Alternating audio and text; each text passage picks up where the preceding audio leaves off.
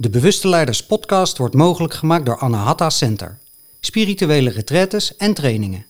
Kijk op anahata.center voor het aanbod. En als luisteraar van deze podcast ontvang je 100 euro korting op een retraite die dit jaar plaatsvindt bij gebruik van de kortingscode ANAHATA100.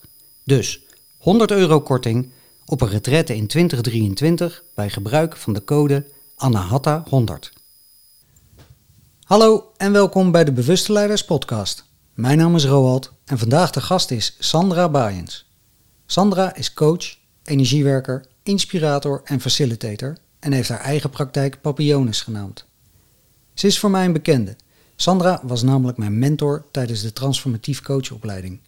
Toen ik haar voor het eerst ontmoette op een infoavond dacht ik, ik ga dit doen en ik vraag haar als mentor. Het voelde namelijk direct vertrouwd. Ik wil het vandaag met haar hebben over processen en over proceswerk. Een belangrijk deel in persoonlijke ontwikkeling.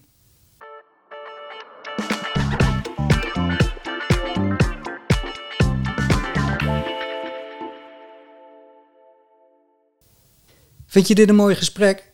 Deel dan de link met vrienden en bekenden via social of app of geef dit gesprek een duimpje of een aantal sterren. Hallo Sandra. Hey, goedemiddag Roald. Superleuk dat jij direct ja zei toen ik jou vroeg. Volgens mij zat ik zelfs een beetje te stuiteren. Ja. ik weet ook nog precies waar het was, bij Ja. jullie in Spanje. ja. Bij ons thuis daar. Bij jullie thuis. Ja, Toen ik het voorstelde. Ja, je was, je was eigenlijk direct razend enthousiast. Ja, klopt. En wat maakte dat dan? Eh, omdat ik niet zo vaak de kans krijg om over het werk te praten. Mhm. En ehm, ik merkte dat ik dat miste. En ehm, daarvoor, dat, dat was een tijdje is dat anders geweest. Toen ik mentor was in de opleiding. Mhm. ehm, toen hebben we het natuurlijk heel uitgebreid gehad over het soort werk dat we doen. Mhm. En daar werd, daar werd iedereen, dat heb ik zelf ook ondergaan in de opleiding. Dus je hebt het over het werk, je doet het werk tegelijkertijd. Dus je bent constant met en in en door het werk bezig. Ja. En toen ik daarmee gestopt was, wat, ik, eh, wat helemaal prima was, eh, was ik alleen nog het werk aan het doen. Ja. En toen jij vroeg, hey, eh, wat vind je ervan? Om het te gaan hebben over proces en proceswerk. Toen dacht ik, oh, ja, dat is waar. Want Ja. inmiddels ben ik ook weer stappen verder Ja. dan toen, toen ik nog jouw mentor was. Mhm. Dus wat ervaringrijker weer en heb je wat andere dingen ontdekt daarin. Ja. Dus ja, dat maakte, dat maakte dat ik wel behoorlijk enthousiast was. Ja. En ben. Ja, Ja. ik zie het. Ja, mooi. Want ehm, wat is proces en proceswerk? Want als we het daarover in persoonlijke ontwikkeling, ja, dan, dan maakt dat een belangrijk onderdeel daarvan uit, zeg maar. Ja. Uh, maar wat is in proces gaan? Of wat, wat, wat is dat voor jou? Ja, ik moet ook onmiddellijk denken aan ehm, toen ik zelf in de opleiding was, een jaar of zes geleden. En eh, ik steeds mensen hoorde zeggen, niet met mij praten, ik ben in proces. Hmm. Dat ik dacht, oh oké, misschien moeten t-shirts laten drukken met in proces. en dan heel voorzichtig om die mensen heen lopen, want hoe, dat is wat, Ja. weet je, oké dat? Ja, zoals bij studio stilte opname. Stilte opname, Ja. in proces, niet meer tegen die Ja. mensen praten. Want er- is iets aan de hand met die mensen. Mhm. Dus ik had daar, en dat is ook wel een beetje San eigen, ik had daar een heel verhaal van gebouwd voor mezelf. Tot ik in de opleiding echt stappen verder kwam en natuurlijk met mijn eerste cliënten aan de gang ging. ehm, en doorkreeg dat dat in proces zijn begint met introspectie, begint met naar binnen kijken. Mhm. En begint met jezelf te realiseren dat je niet één onderdeeltje bent, dat je niet één emotie bent, dat je niet één rol bent, dat je niet één ding bent, maar dat je een optelsom bent van alles bij elkaar. Mhm. Ehm, dat beroemde voorbeeld, dat ken jij, en zeker nog vanuit de opleiding. Als ik jou helemaal zou ontleden hier, Mhm. en ik leg al jouw stukjes hier op tafel, Mhm. ehm, kan jij dan aanwijzen wie nou echt Roald is? Ja. Nee, Nee. is jouw antwoord dan? Eh, want het is een optelsom van alles bij elkaar. En dan hebben we het alleen nog maar over datgene wat we zien. Mhm. Maar hoe zit het met datgene wat we voelen? En hoe zit het met dat wat we denken? Ja. Dus dan heb je zo al drie lagen te pakken. Je hebt wat je, wat je kunt aanraken, dus het tastbare. Ja. Je hebt het wat je voelt, je gevoel. En je hebt je gedachten. En die zijn allemaal bij elkaar opgeteld verantwoordelijk voor eh, ongeveer. Er zit nog heel veel meer omheen, maar laat ik het even proberen iets simpeler te houden. Voor ik kijk naar Roald, ik praat naar, met Roald en Roald heeft een bepaalde verschijningsvorm. Ja. Als je realiseert dat de mens dus niet één ding is of een aantal dingen, maar een optelsom en een, eh, een samenwerking van al die verschillende lagen. Mhm. Dus hoe jij je van binnen voelt, hoe jij in je emotie zit, bepaalt ook hoe je de wereld inkijkt en bepaalt ook wat je denkt. Die, die hangen met elkaar samen. Eh, dan mag je spreken van een proces. Ja. Dus feitelijk, Roald, ben jij een wandelend proces. Sowieso al. En ik ook. Zeker de laatste tijd, maar dat, dat is een ander verhaal. Ja. Nou, rijk me de hand. Wie niet? Ehm, ik denk echt dat het t-shirt eraan komt, maar dat even terzijde. Ehm, dus je bent een wandelend proces, want je hart moet samenwerken met je longen. Je zuurstof moet door je lichaam gepompt worden. De energie moet door je lichaam gaan. Dat zijn allemaal processen die sowieso al aangestuurd worden vanuit je uh, reptiele brein. Dus het automatische stukje, daar hoef je niet zo echt over na te denken. Maar dan komt het verhaal van je leven. Mhm. En dan komt het, ehm, eh, de dingen die eh, daar niet zo lekker in zitten, dingen die pijn gaan doen. Mhm. En dan leren we daarmee omgaan, van jongs af aan, op een bepaalde manier. Ja. En dat vormt je. Ja. En later in je leven komt er iets voorbij en die geeft een trigger en dan komt dat oude stukje pijn naar boven. Mhm. En wat blijkt dan? Dat ergens in al die lagen, die tezamen dus in je proces eh, jou vormen, dat daar iets niet lekker zit. Er is iets uit balans. Mhm. En dan is het transformatief werk erop gericht om die disbalans op te sporen, te kijken wat is daar de oorzaak van. En vervolgens mag dat gaan helen. Ja. Helen is niet genezen. Helen in mijn boekje betekent tot heelheid brengen en tot eenheid brengen. Ehm, op het moment dat er ergens een disbalans is, wordt het proces verstoord. Ja. Als jij je niet lekker voelt, als jij ergens getriggerd wordt door een opmerking van iemand, Mhm. Uh, laat ik het op mezelf houden. Ooit zei uh, uh, mijn man tegen mij: Er verandert hier ook nooit iets in huis. Mhm. Bam! Ja, San was volle bak aan. Niet te doen. Boos, vuurspuwend. dit is jaren geleden, hè? ik ben inmiddels zoveel milder. Vuurspuwend, echt gewoon kleine draak. Dikke trigger. Dikke trigger, dikke vette trigger. Mhm. Um, daar ben ik toen mee gaan zitten, zoals we dat zo mooi noemen. en toen ben ik erachter gekomen dat dat te maken had met iets wat in mijn jeugd heel duidelijk uh, ontstaan was. En waarin een copingmechanisme is ontstaan, waarbij het ging over: ik moet hier zorgen voor de, de, de, de boodschappen uh, in het huis. Ik was eigenlijk de moeder van mijn moeder. Dus als ik het niet goed deed, dan, uh, dan, liep, het, dan liep het niet thuis. Dan liep het proces van huishouden, dan liep het gewoon niet. Mm -hmm. Dus ik was mega verantwoordelijk voor hoe het thuis eraan toe ging. Mm -hmm. En als iemand dan tegen mij zegt, er verandert hier ook nooit iets, Mm. terwijl hij het over iets heel simpels had, Mhm. ving ik hem op in de laag van, ik ben dus verantwoordelijk voor iedereen's wel en wee en ik doe het niet goed. En op dat moment werd in, in mij een enorme uh, beerput opengetrokken. Afwijzing. Afwijzing. Ja. Uh, niet goed genoeg. Weer niet goed genoeg. Nog harder lopen. Pleasen, et cetera. Nou, op dat moment wat ik net zei, vuurspuur raakt niks pleasen. Dan is het gewoon uit, uithalen en, uh, en de ander vooral laten weten wat ik daarvan vond. Maar het echte werk zit hem dus in het zien, het voelen, het, het erkennen en herkennen van alle verschillende plekken waarop deze opmerking pijn deed. Mhm. Dus het zat hem in mijn herinnering, Mhm. in je mentale laag. Het zat hem in mijn emotionele laag, noemen we ook wel eens emotionele lichaam. Omdat ik echt een soort van in elkaar klapte. Ik voelde ook echt, ik voelde pijn. Mhm. Bijna fysiek, alsof iemand in mijn, vol in mijn maag had getrapt en al die lucht eruit had geblazen. Dus fysiek, emotioneel en mentaal was er nogal wat aan de hand. En dat is voor mij een voorbeeld van uh, het hele proces waar je oog voor mag hebben als transformatief coach, als uh, healer, als facilitator. Um, waarbij je dus al die onderdeeltjes, net als een machientje, um, eruit haalt, aandacht geeft, oppoetst, terugstopt. En vervolgens heb je dus tijd nodig om die machine weer volledig te laten draaien. En dat heet dan voor mij mm -hmm. in proces ja. zijn. Ja. Dus het proceswerk is echt op al die lagen gaan kijken, gaan graven, gaan voelen. Uh, tegen het licht houden, soms in trance, omdat het niet in je actieve geheugen zit, maar in je onderbewustzijn. Uh, die dingen naar boven halen die de informatie geven over waarom, mm -hmm. word ik getriggerd door die opmerking? Ja. Of waarom hou ik vast aan dat patroon? Waarom blijf ik, en dan heb ik het ook over mezelf, blijf ik maar roken terwijl ik weet dat dit niet goed is? Wat Mhm. is dat voor typisch proces? Wat zit daarachter dan? Ja, verslaving, de. Ja, en wat zit maar daar wat dan is weer dat dan? achter? En wat ja, zit precies. daarachter? Ja. Dus eh, daar ben ik nog mee bezig, Robert. Nu niet vragen, en hoe werkt dat? was, ook niet, was ook niet mijn intentie.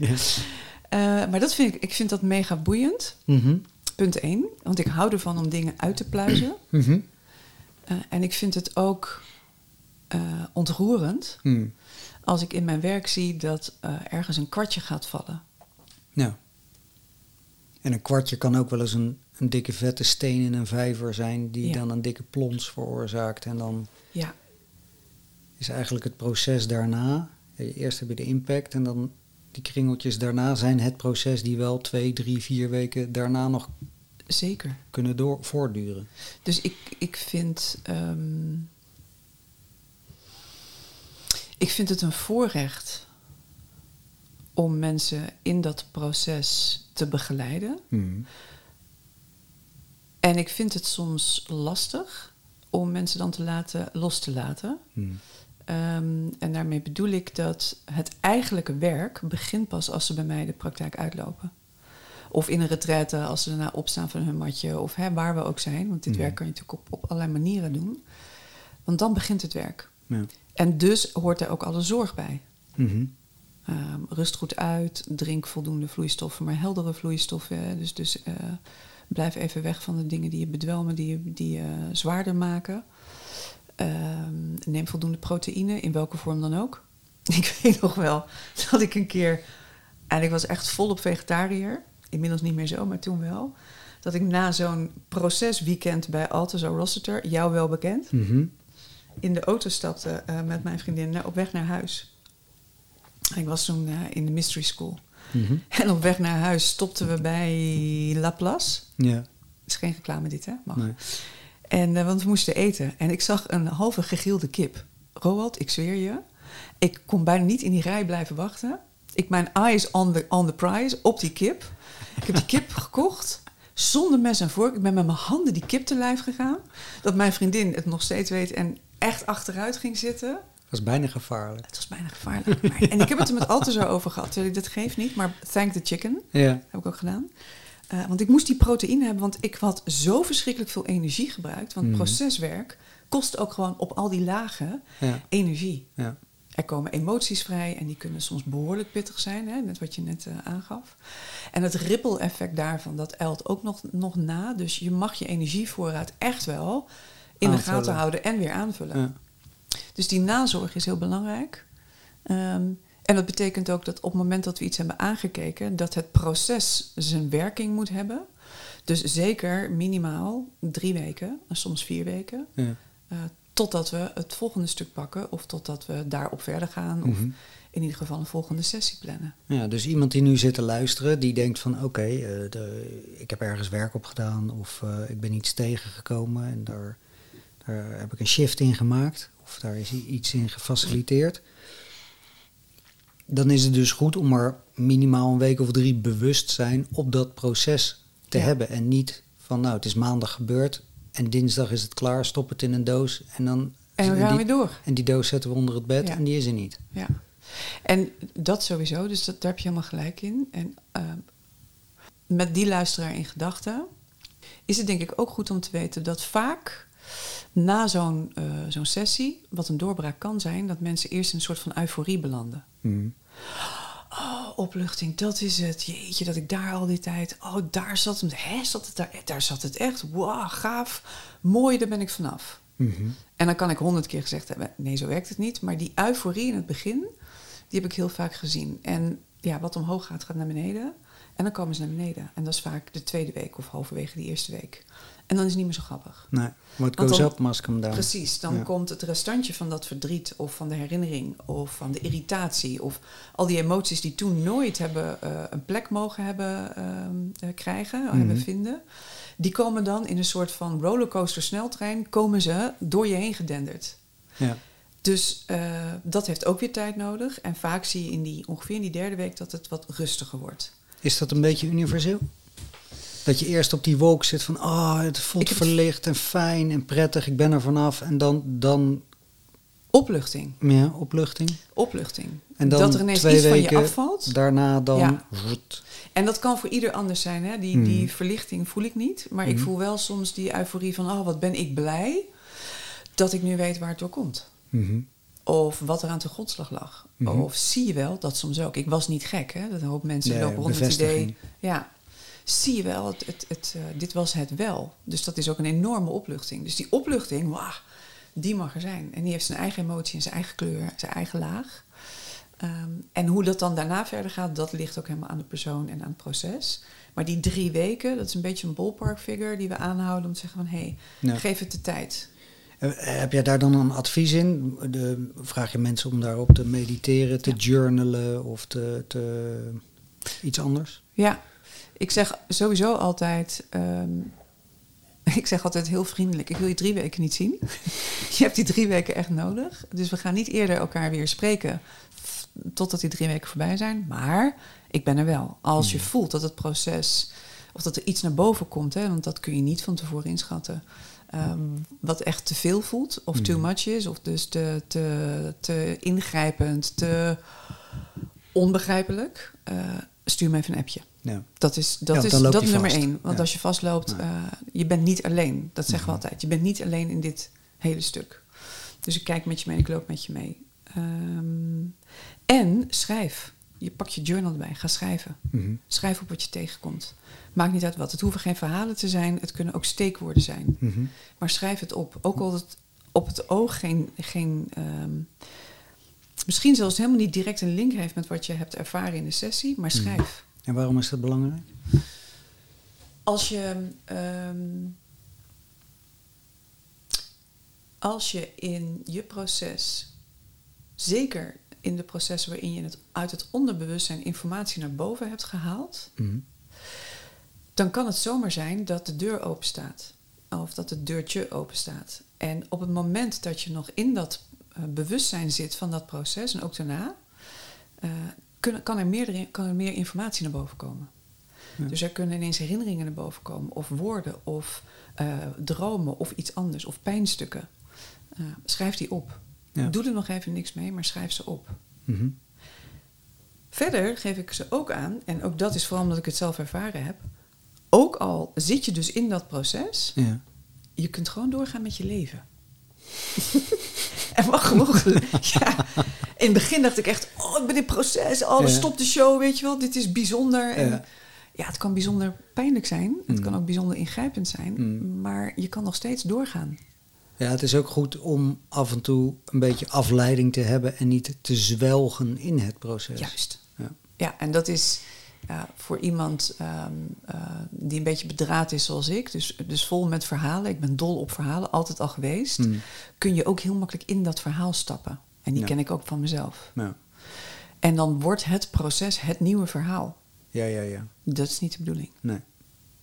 En daarnaast ehm, is het ook echt zo. Je kunt, omdat wij multidimensionale wezens zijn, kunnen wij op meerdere bewustzijnslagen tegelijkertijd opereren. Ja.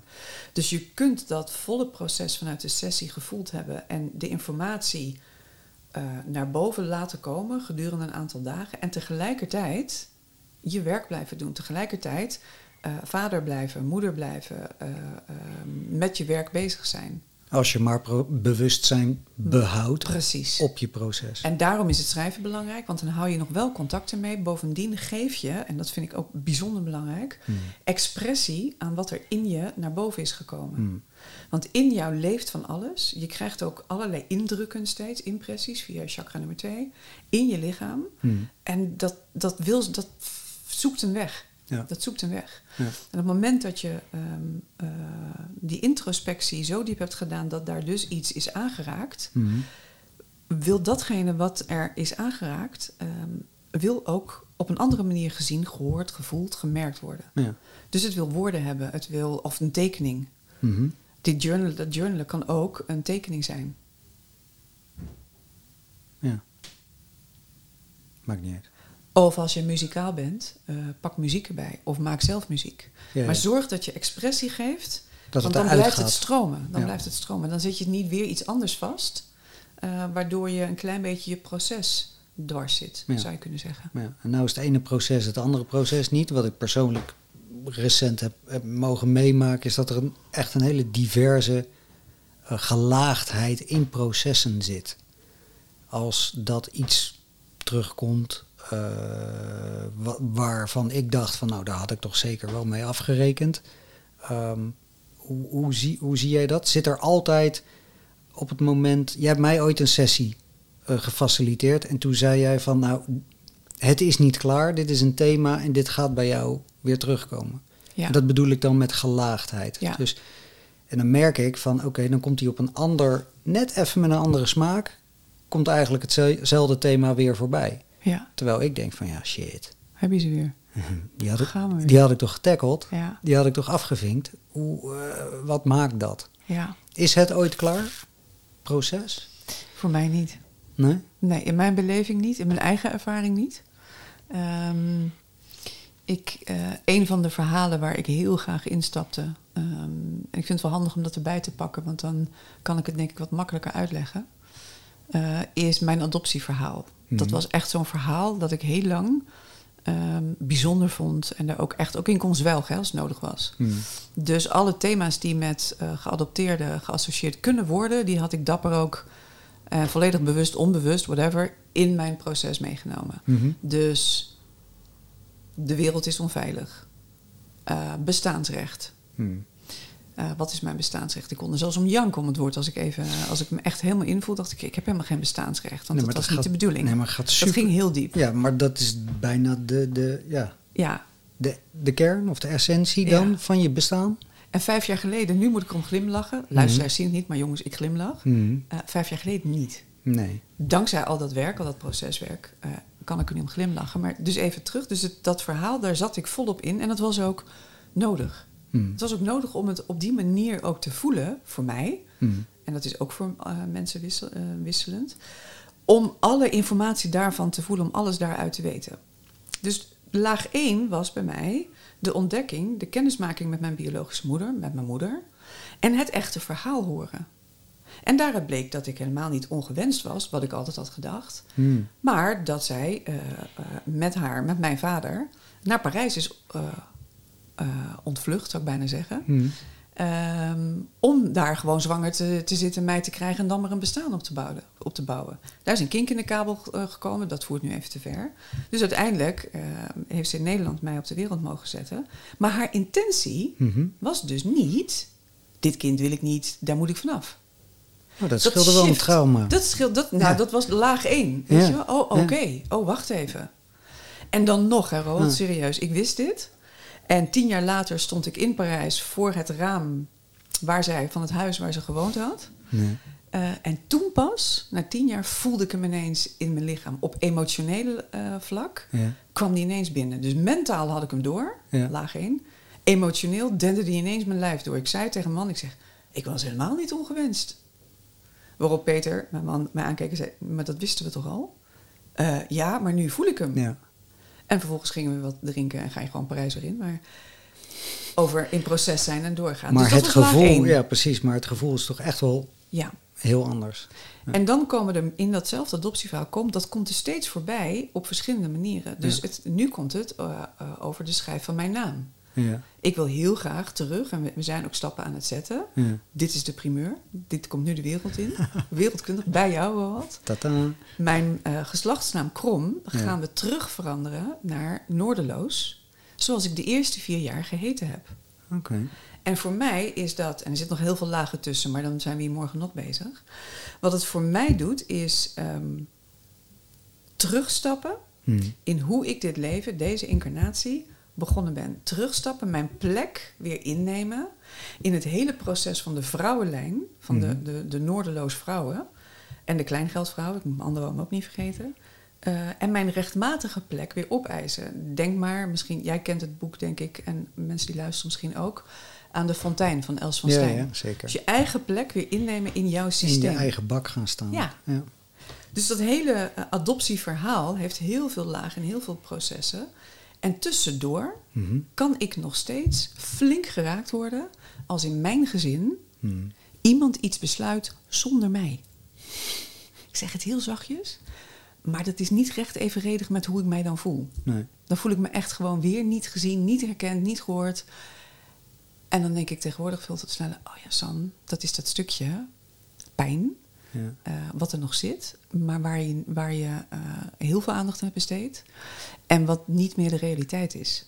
Maar het doet af en toe nog gewoon. oh, af en toe doet het gewoon nog zeer. Ja. Komt hij gewoon naar boven. ja, dat snap ik. Ja. Ja. Dus nee, je bent er nooit helemaal van af, maar je leert erin te bewegen, er doorheen te bewegen, ermee te zijn. Hmm.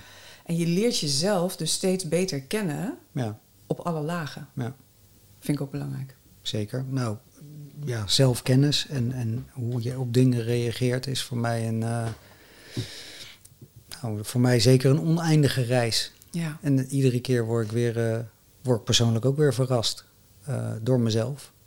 Ja. En ehm, ik vind het er eigenlijk alleen maar mooier van worden. Hoe verder ik ga en hoezeer het af en toe ook doet. ehm, word ik wel blij van achteraf. Maar dat, ik zie het ook bij je. Ja. Als ik kijk naar hoe we op die infoavond stonden en waar je nu zit Hmm. en wat je allemaal gedaan hebt en eh, hoe wij nu praten, Hmm. dat is, dat is ehm, want ik weet niet, hoeveel jaar is het nou geleden? Drie jaar geleden? Nee, vier, Vier? derde, vier, derde infoavond is vier jaar geleden. Ja, bizar. Ja, nee, maar dat de was onmogelijk. ontwikkeling bij jou, Ja, was onmogelijk. ja. Ja. Dit gesprek hadden wij, en dat snap ik, dat is ook logisch, dat hoeft ook niet per se. Mhm. Maar dat geeft wel dat hele proces. eh, uiteindelijk is hele leven één groot proces natuurlijk. Kunnen we heel makkelijk heel flauw Ja. over doen, lekker plat slaan. Iedere keer een nieuw rondje. Maar elke keer dat nieuwe rondje. En elke keer als Ja. wij elkaar ook ontmoeten, eh, voel ik dat nieuwe rondje weer. Van, oh Ja. ja, vind ik magisch. Ja, nou, dankjewel. Ja. Ehm, als ik eh, processen. Als ik nou zelf in proces zit en ik heb een partner, ik heb een Mhm. relatie en dus een partner, dan neem ik mijn proces mee naar huis. Ja. Die partner weet van niks. Dus ik heb om vier uur een sessie bij jou gehad. Ik stap met, met, met grote konijnenogen stap ik in de auto. Ik rij naar huis en ik ben nou, die eerste, die eerste eh, imprint zeg maar van flabbergasted. Oh, wat is hier gebeurd? Ehm, hoe, hoe daarmee om te gaan? Moet je je partner meenemen of juist niet? Of het laten? Moet die partner je laten? Wat, wat is daar handig in? Ja. Stel, stel je een luisteraar die heeft nu een partner die volledig in proces zit. Wat, wat, wat kan die doen? Ja. ja, hoe doe je dat? Hè? Hoe ga je daarmee om zelf? Ehm, voordat we daar helemaal op ingaan, het eerste wat ik, ehm, wat ik heel belangrijk vind, Hmm. en ik, ik vraag me nu eigenlijk af, nu jij dit zo zegt, Hm. Of ik dat wel altijd wel helder genoeg aan mijn cliënt uitleg. Dus bij deze eh, goed voornemen. Ja. Ehm, als je in dat proces zit, heb je het volledige recht om daar te zijn. Hm. Ik zei er net, even terug, ehm, als je in proces zit, kun je ook eh, tegelijkertijd gewoon blijven werken. Hè. Er is ook een leven wat gewoon doorgaat. Dat Mm. begrijp ik. Maar als je er helemaal in het begin, dus die eerste dag of die eerste twee dagen, dan zit je er, dan zit je er steviger in. Hm. Je, dat recht heb je. Je hebt het Mhm. ook opgezocht, dus dat recht heb je. Hm. Eh, wat ik nog wel eens deed, is mezelf dan aanpassen aan het gezin of aan mijn partner. Ehm, maar doe dat maar niet. Dat is advies nummer één. Wees ervan overtuigd dat je dat recht hebt. En het enige, eh, maar dat is mijn waarheid en mijn gevoel daarbij, Hm. wat je van je partner nodig hebt, is niet volledig begrip. Oh, dat- nu begin ik dus met zeggen wat je niet nodig hebt. Oké, even terug. Je partner hoeft jou niet volledig te volgen. Mhm. Je hoeft ook niet alles aan je partner uit te leggen. Wat wel heel fijn is, is, eh, en als het, ook, als het een beetje oké is, dan neem ik aan dat je partner weet dat je een afspraak hebt gehad met iemand om naar iets te kijken. Ja. Anders hebben we een heel ander gesprek. Maar ehm, als je partner voor jou met een mooi woord veld kan houden, dan is dat eigenlijk het enige wat nodig is. En wat is dan veld houden? Ja. dat je binnenkomt of eh, als hij of zij binnenkomt, zegt ze: "Pff, Ik ben met een aantal dingen bezig. Je mag mij ook zeggen: Ik ben in proces, ook goed. Eh, en ik heb daar even tijd voor nodig. Ja. Dus ehm, ik ben nog lang niet aan oplossingen toe en al die andere zaken. Ik wil hier eerst even mee zijn. Dus als ik wat afwezig lijk, komt het daardoor. Ja. Dat is wat ik zelf op een gegeven moment ben gaan zeggen. Ja. En wat, je van je, wat de partner kan doen, is ehm, er zijn. Ja. Niet met oplossingen komen. Niet eh, willen troosten als er ineens een enorme huilbui komt. Maar er zijn. En dan dat kopje thee inschenken is super lief. Er zijn, vasthouden mag. Ehm, vragen stellen kan ook. Maar op, op, je, op het moment dat je voelt en ziet van uh, het komt niet binnen, niet doorvragen. Het is oké. Mhm. En weet ook als partner dat degene die dit doormaakt zichzelf kan dragen. Ja, je krijgt niks wat je niet kan dragen. Precies, en je hoeft het niet op te lossen. Je hoeft het niet op te lossen. Nee. Je hoeft het ook niet uh, op dat moment helemaal inhoudelijk te weten. Hmm. De grote thema's zijn meestal wel bekend. Ja. Je hoeft dus niet van de hoed en de rand te weten. Um, en als je het wel wil, vertrouw erop dat datgene wat belangrijk is, dat dat gedeeld gaat worden. Ja. En natuurlijk, zeker als um, beide uh, partners gewend zijn aan proceswerk, dan is het een ander verhaal. Ja. Dus. Uh, beide tegelijk in proces. Beide tegelijk in proces. Is dan weer een beetje pittig. Ja, ja dat is volgens mij heel pittig. ja. ja. Bij mij kwam ineens een boven niet te doen. Is wel te doen, maar dan moet je wel alle zeilen bijzetten. En dan moet je dus op al die lagen ook nog een keer veld zien te houden voor je partner. Dat is wel hmm. veel gevraagd. Ja. Ik zou dan altijd, um, als dat zo is, zou ik zeggen: joh, kijk eens om je heen of er een derde is die voor jullie dat veld kan houden. Ja. Dus die er voor jullie allebei kan zijn.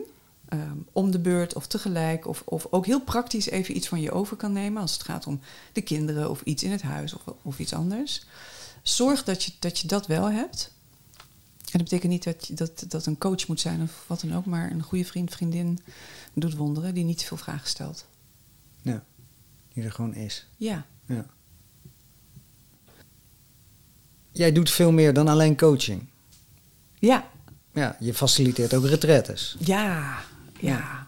Op, ja. op Ibiza en ehm, eh, binnenkort in oktober met Suzanne. Ja.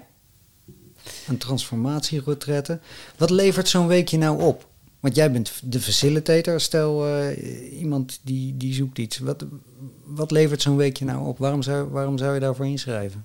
Het mooiste uh, antwoord daarop is eigenlijk de, uh, wat iemand zei in de, die mij belde en vroeg. Zeg, luister eens, ik heb behoefte aan een. Uh, en ik en anderen mm hebben behoefte aan een, um, aan een transformatieretraite. Mm -hmm. En um, toen zei ik, en wat maakt dat je die behoefte voelt? En toen zei ze, ik merk in mijn werk, en zij werkt ook met um, uh, cliënten, maar dan op een, in, een ander, in een andere sfeer, dat wij niet tot de bron komen. Dus dat we wel heel veel lezen, heel veel doen. We mediteren, we um, kijken de, de juiste films, we lezen de juiste boeken, we hebben de juiste gesprekken. En daarmee ook soms inzichten. Maar het is dan net alsof ik niet bij de bron kom. Mm-hmm. En ze zegt, en ik weet uit ervaring dat als je in een retraitomgeving zit um, en daar is een transformatieproces en er zijn mensen die dat aankunnen, mensen die dat kunnen faciliteren, dat je dan dus echt bij de oorzaak komt, mm-hmm. bij de essentie. Ja. En daarom heet hij ook terug naar je essentie. Uh, dat is datgene wat een transformatieretraite namelijk anders maakt dan andere retraites, waarin je ook yoga doet, want dat gaan we ook doen. We gaan ook mediteren, want het lichaam is super belangrijk. Mm -hmm. dat, dat kan ik niet vaak genoeg zeggen. Je lichaam geeft je alle signalen die je eigenlijk nodig hebt. Maar hoe goed luisteren wij daarnaar? En als mm -hmm. ik zeg wij, bedoel ik ook vooral ik.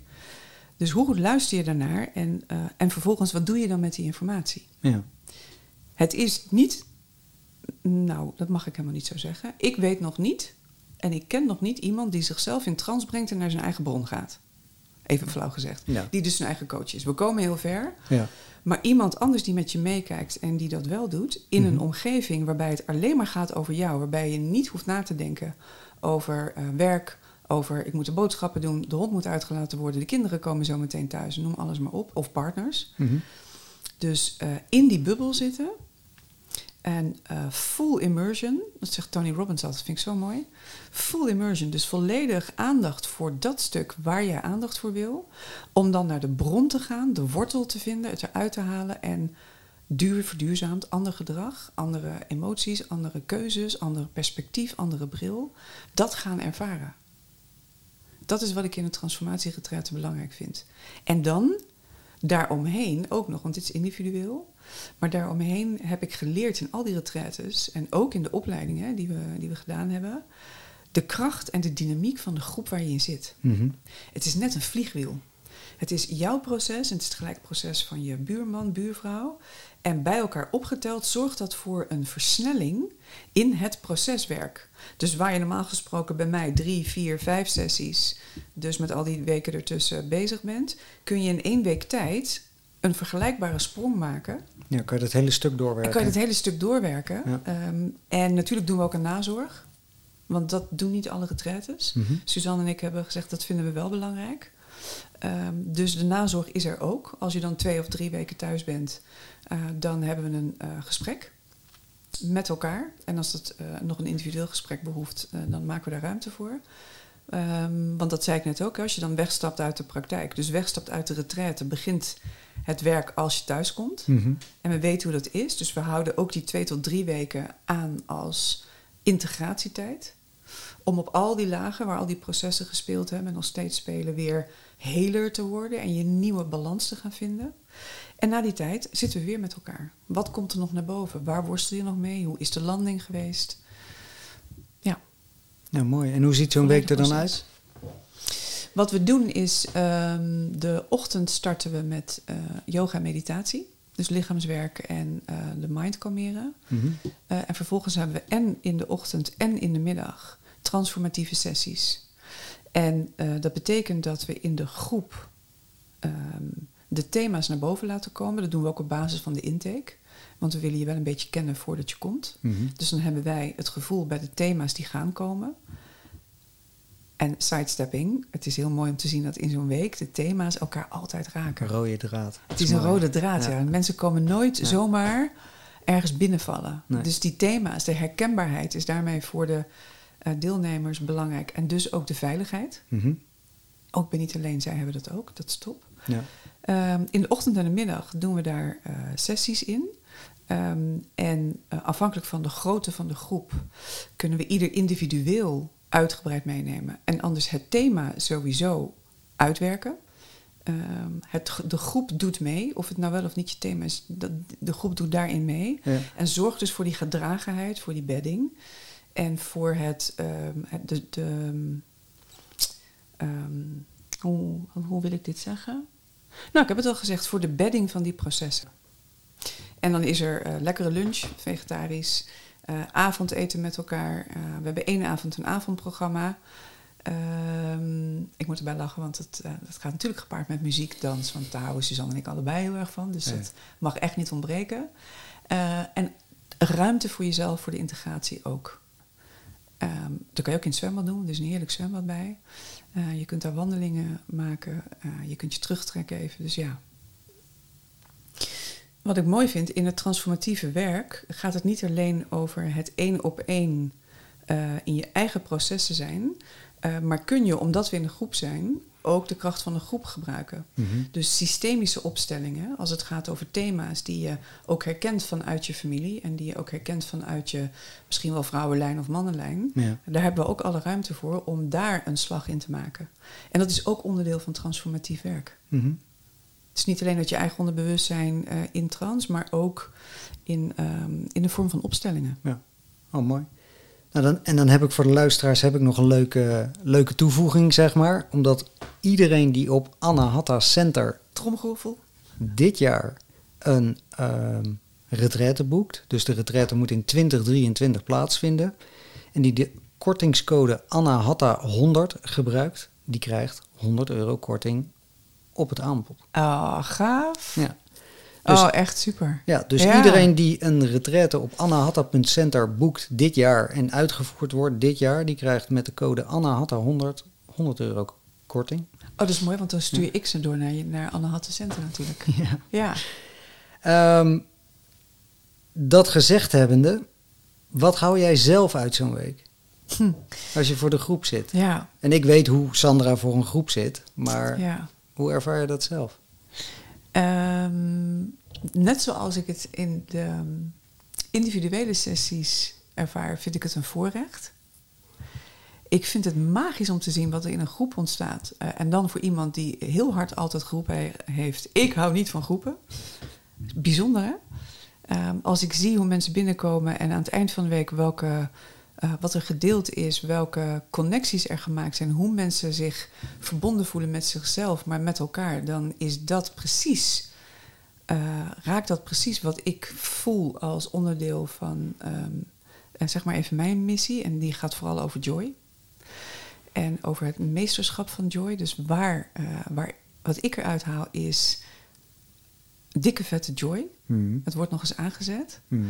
En um, verdieping, Mhm. niet zozeer in mijn persoonlijke processen, maar wel in het veld en in het werk wat ik doe. Mhm. Dus ik heb, on, ik heb de afgelopen jaren ehm, mij daar steeds makkelijker in kunnen bewegen tot op het niveau waarbij ik in groepen van 20, 21 mensen eh, heel snel kan voelen waar iemand zit. Ja. En inmiddels ook durf, want vroeger voelde ik het wel, maar durfde ik nooit wat van te zeggen. Wie ben ik? Mhm. En nu durf ik daar de vinger op de plek te leggen, omdat ik weet Ja. dat we daar ook mee aan de slag gaan en dat het veilig is en dat het oké is en dat het ook dat dat is waar ze voor komen. Ja. Dus mijn eigen proces gaat daar sneller in en dat betekent dat het nog meer in dienst staat van de groep. Mhm. Ehm, ja, dus, dus die verdiepingsslag voor mezelf, de verbinding, eh, de shared humanity ehm, en de joy die ik daarbij ervaar, dat is, dat is waarom ik het doe. Dat is waar je het voor doet. Dat is waarom ik het doe. ja, ja. ja, ik zie je ook Ja, helemaal doe. Ja, Ja. ja, je straalt helemaal. Ja. Ja, mooi. Ehm, want uit ervaring weet ik, jij, jij ziet dingen, jij zit voor zo'n groep en dan zit je met je ogen dicht en je voelt in en dan, je kijkt er dwars doorheen eigenlijk. En dat is wel echt een, eh, een talent, zeg maar. Ja.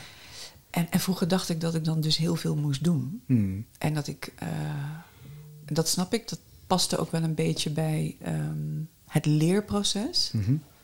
Maar wat je vooral moet doen, is je eigen agenda en programma's uitzetten.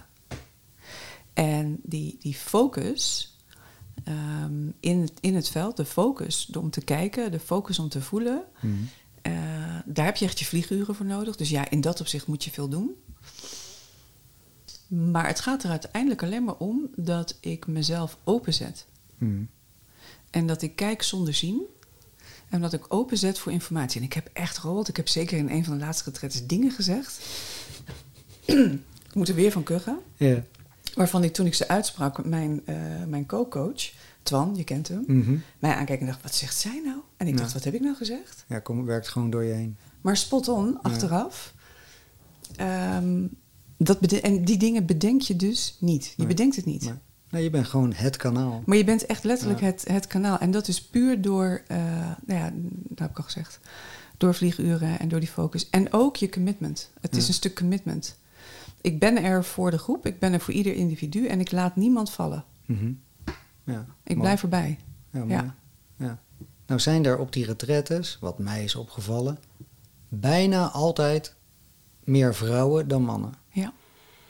En op de laatste, en dat is tijdens op, opleiding ook. Als het een beetje spiritueel wordt, dan ehm, staan de vrouwen vooraan, zeg maar. Afgelopen weekend was ik bij een opleiding 21 dames en 8 heren.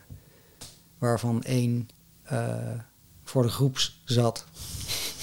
dus eigenlijk waren er zeven mannen die deelnamen. Ga je nou echt aan mij vragen, weet je hoe dat komt? Nou, eigenlijk, wat maakt Ja. dat? Hebben mannen angst voor spiritualiteit, voor emotie, wat eronder zit? Wat maakt dat? Ik heb namelijk veel gesprekken de afgelopen week gehad met vrouwen die waarvan, ja, zij zijn in, in, in, in beweging en in, in actie en de man niet of wel. En ja, wat niet maakt eh, eh, dat ik, kijk, kijk mij nou eens, ik zit er wel, maar ik bedoel meer van wat maakt nou eigenlijk dat ehm, de vrouw daarin voorop loopt eigenlijk? Is, is dat, is dat, heeft dat mede te maken met de shift die we collectief nu aan doormaken zijn? En dan doe je meer op de, eh, de plek die de vrouwelijke energie mag innemen. Exact. In, en mannen en vrouwen. Hè? Want Nee, tuurlijk, het dat gaat is voor je luisteraars wel bekend, denk ik. over de balans, maar ehm, tuurlijk, we, hebben, we maken nu wel een shift door naar, naar dat er meer vrouwelijk mag zijn, zeg maar, vanuit zachtheid in plaats van alleen maar het... eh, Ik denk dat het. Ik vind het een prachtige vraag. Ik zou het namelijk werkelijk niet weten. En als ik dan toch lekker antwoord wil geven, want dat ben ik ook wel weer. Want het zet me wel aan het denken. Het, het raakt namelijk wel iets waar ik de afgelopen tijd wel meer mee aan het stoeien ben, ben geweest en over na heb gedacht. Eh, meer omdat ik het zie gebeuren. Ehm, en dat is hoe. eh, hoeveel vrouwen durven vrouw te zijn? Om dat maar even te Mhm. hè. Suzanne heeft ook niet voor niets vrouwenretretes. Mhm. Eh, ik faciliteer ook niet voor niets vrouwencirkels. Hoe, en ik heb er zelf ook moeite mee. Hoe, hoe vrouw, hoeveel vrouw durf ik te zijn? Mhm. Ehm, die, die, ik voel een energie van vrouwen die, zeker van mijn generatie en ietsje daaronder, zijn getraind en een beetje zijn opgeleid als een soort van mini-mannetjes. Mhm. Dus wij moeten ons ook in de maatschappij bewijzen, staande houden. We doen dat met broekpakken aan. Ja, ik heb hem ook. Ik heb hem zelfs vorige week aangehad. Een sterke meid is Sterke op haar, op haar toekomst voorbereid. Precies, Ja, dat die is er hele lekker verhaal. ingeramd. En die Ja. is er ingeramd. En wij, ik heb in ieder geval niet zo'n mooi rolmodel in mijn familie rondlopen van een super vrouwelijke vrouw Mhm. die ehm, eh, vanuit haar eigen kracht haar wereld vormgeeft. Ja. Dus ik denk dat we in die slinger van Foucault een beweging aan het maken zijn, waarbij we heel erg het vrouwelijk ook op een voetstuk aan het zetten zijn als we niet uitkijken. Mhm. Maar waarbij de aandacht in ieder geval volle bak eh, op dat vrouwelijke gericht is. Omdat we, en dat is wel een feit, de vrouwelijke daadkracht, de zachte vrouwelijke daadkracht, Ja. eh, ontberen. Mhm. Je moet er nog een hele podcast, denk ik, aan wijden als ik iets verder ben. want Ja, ik over Shakti en. Shiva Ja. kunnen we natuurlijk eh, twee uur gaan En praten. het tweede Ja. stukje wat ik ook voel is dat de, eh, dat is niet mijn wijsheid, dat heb ik echt wel eh, geprobeerd te onderzoeken. Mhm. Onze vrouwelijke, collectieve vrouwelijke wond zit in de buik, Mhm. zit in de lagere stukken. Mhm. Dus waar wij als vrouwen ons comfortabeler voelen is in de bovenste chakra's, dus hierboven. En ehm, daarin zoeken wij spiritualiteit op, omdat wij denken, of ooit besloten hebben, dat spiritualiteit vooral dat stuk is wat bezig is met je hogere zelf. Ja. Nou, dat is voor mij spiritualiteit helemaal niet, voor jou ook niet, dat weten we. Maar die zoektocht, veel vrouwen vloepen ook er constant uit, willen alleen maar naar boven, willen niet zakken Mhm. in die basischakras, want daar zit namelijk veel pijn. Ja. Dus dat is gedoe en dat is lastig. En daar zijn we ook een beetje eh, uit weggehaald. Want in die, Maar daar zit het aardse, Daar zit het gro- aardse. het gronde, het daar ja, zit het gronden, daar zit oerwijsheid. Ja. Ja, Ja. daar zit onze kennis, daar zit ook datgene waar vrouwen goed in zijn, namelijk in het ontvangen. Mhm. En in het verzorgende en in het, ehm, ja, in het grondende, in het grondende werk. Ja. Dus ik denk dat wij, ehm, en, en bij mannen is dat, eh, of in de mannelijke energie, heeft dat ook zijn eigen verhaal. Ehm, hebben we wat aan dit antwoord? Geen idee, maar dit is mijn antwoord. en daar moet ik wel een rijdende rechter. Nou, Dit is moet- mijn antwoord en daar moet je het mee doen. moeten we het mee doen. Ik vind het wel Ja. een hele mooie vraag eh, om eh, voor mezelf om eens op te kouwen. Ja. Ja. Ja, mooi. Over, daarover gesproken, want je zei net al chakra-gebieden, dan, dan hebben we het over energie. Ja. Jij ehm, en Suzanne doen buiten de retraite ook een, eh, een energietraining. ja, gaan we doen. Ja. Ja, Master. Your Energy. Master Your Energy. De Ja. zeven poorten naar je ware po- potentieel. Ja. Zeven chakra's, zeven poorten. Ja, en dan is er nog een achtste, maar dat is nog een geheim. Oh, Oeps. dat is de bonus. Oeps. dat is je bonus, ja. ja, dat Waarom is- leren we op school niks over energie en energiewerk? Kijk, mijn ouders wist, wisten, hadden geen idee. En mijn leraren op, op school waarschijnlijk ook niet. Maar het is zo bepalend, zeg maar, net zoals mindfulness en, en, en energie. En Ja, het bewustzijn daarop, dat groeit. eens. Uh, m- maar onze kinderen op school, die krijgen daar nog helemaal niks van mee, zeg maar. Nee, ik vind dat ongelooflijk. Ik, ik zie wel dat af en toe in, in scholen eh, het gedachtegoed van Carol Dweck doorcijpelt. Mhm. Ehm, dus dan gaat het... Super mooi boek over. En het is een topboek. Ja. Eh, en ik weet nog toen mijn dochter, die is nu de jongste, is 17. En toen zij in groep 8 zat, 7, 8. eh, toen zag ik aan de binnenkant van de deur een poster met Fixed and Growth Mindset, maar dan uitgelegd op kinderniveau. En daar Ja. werkte zij actief mee. Ja. Montessori school, moet ik er ook Mhm. bij zeggen. Dus er is wat iets meer ruimte, lijkt er. Maar over het algemeen zijn onze school- schoolsystemen nog steeds het industriële revolutieprogramma aan het afdraaien. Wat destijds nodig was om meer kinderen, meer jongeren, Ja. meer volwassenen te krijgen. Die konden lezen, schrijven, rekenen, et cetera. Mhm. eh, wat al lang niet meer de realiteit is in onze maatschappij. Dus we Nee. hebben te maken met zwaar verouderde systemen. Met een klassensysteem eh, wat gebaseerd is op leeftijd en niet op persoonlijke ehm, eh, talenten en interesse. Ja. En over energie moeten we het al helemaal niet hebben. Nee. Tegelijkertijd is er wel een tegenbeweging.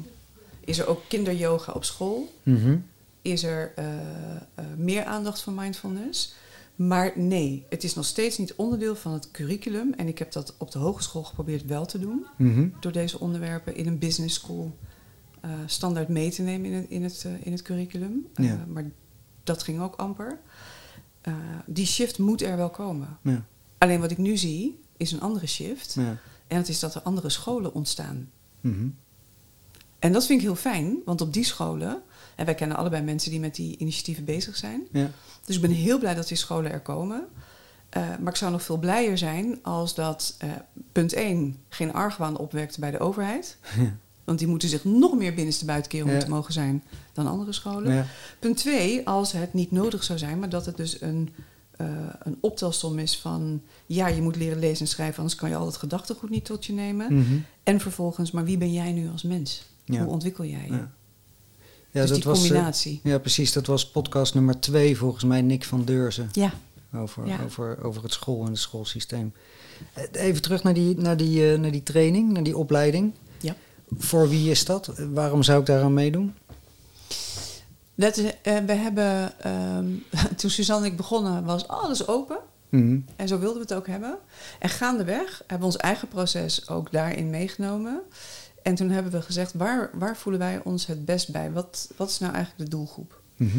Ehm, en we hebben allebei, nou ja, dat, dat was niet eens een vraag eigenlijk, het was heel duidelijk gevoeld dat degene die al stappen aan het zetten is in zijn persoonlijke ontwikkeling, die niet meer schrikt van het woord chakra, Mhm. bijvoorbeeld, eh, daar ook niet mega veel uitleg over moet hebben, maar eh, daar wel mee kan werken, Mhm. eh, die, voor wie het normaal is dat alles energie is Ja. en dat wij dus ook energie zijn, uitstralen en een ele- elektromagnetisch veld hebben, et cetera. Dus met andere woorden, mensen die wel al wat stappen gezet hebben, ook in hun eigen proces. Dus wat ehm, ehm,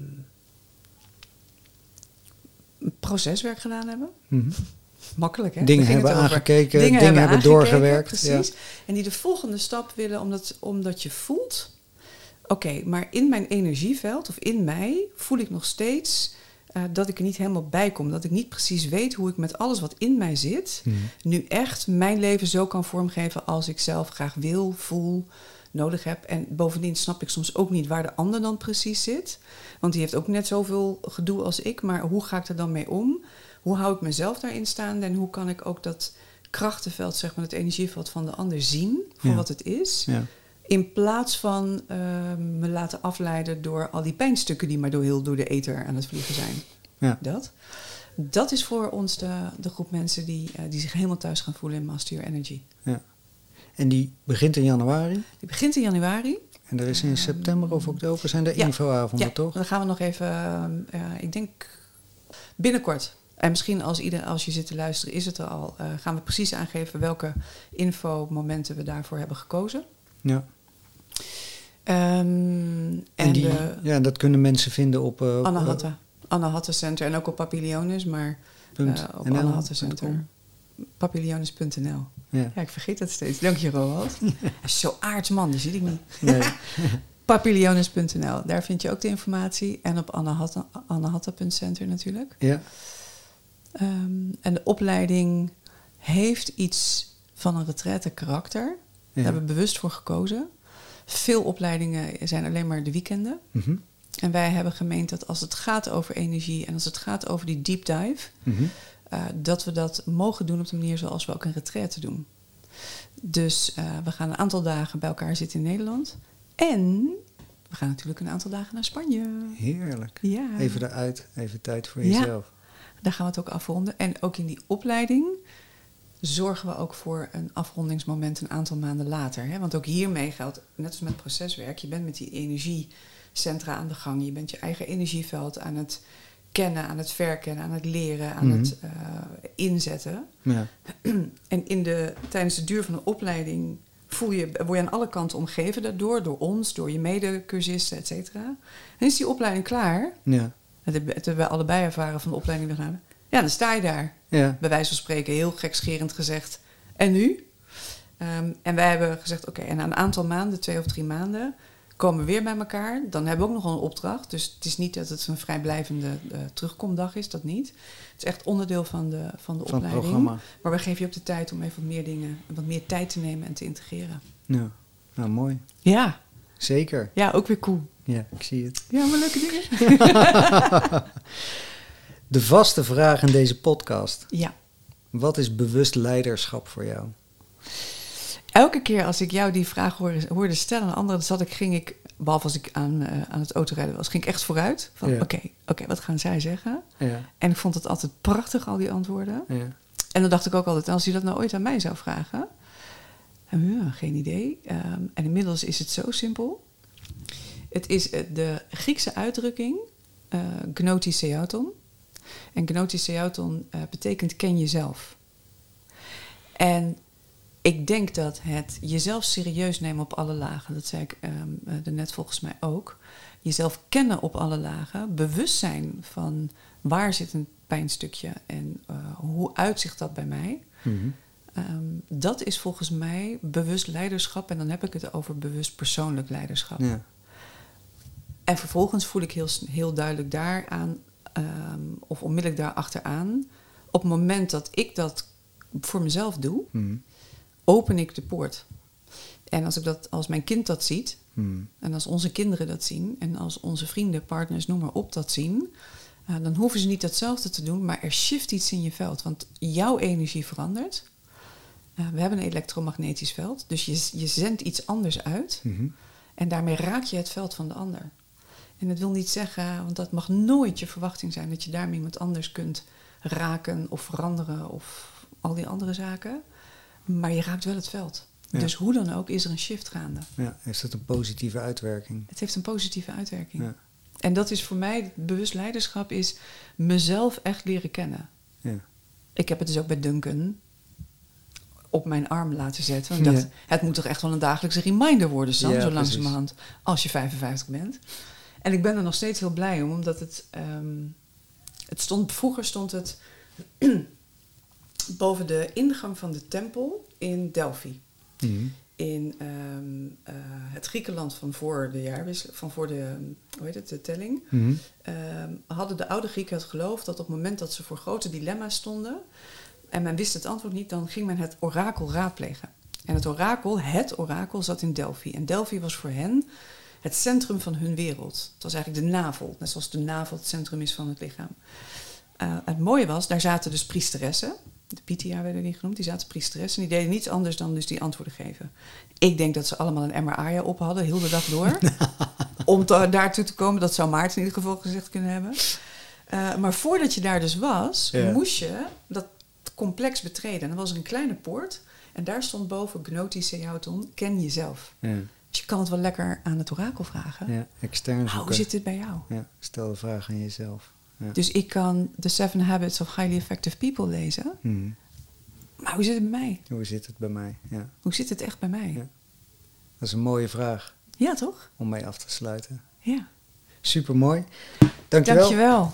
Dankjewel voor dit gesprek. Dankjewel, Roald. Ik vond het super fijn. Mooi, dankjewel.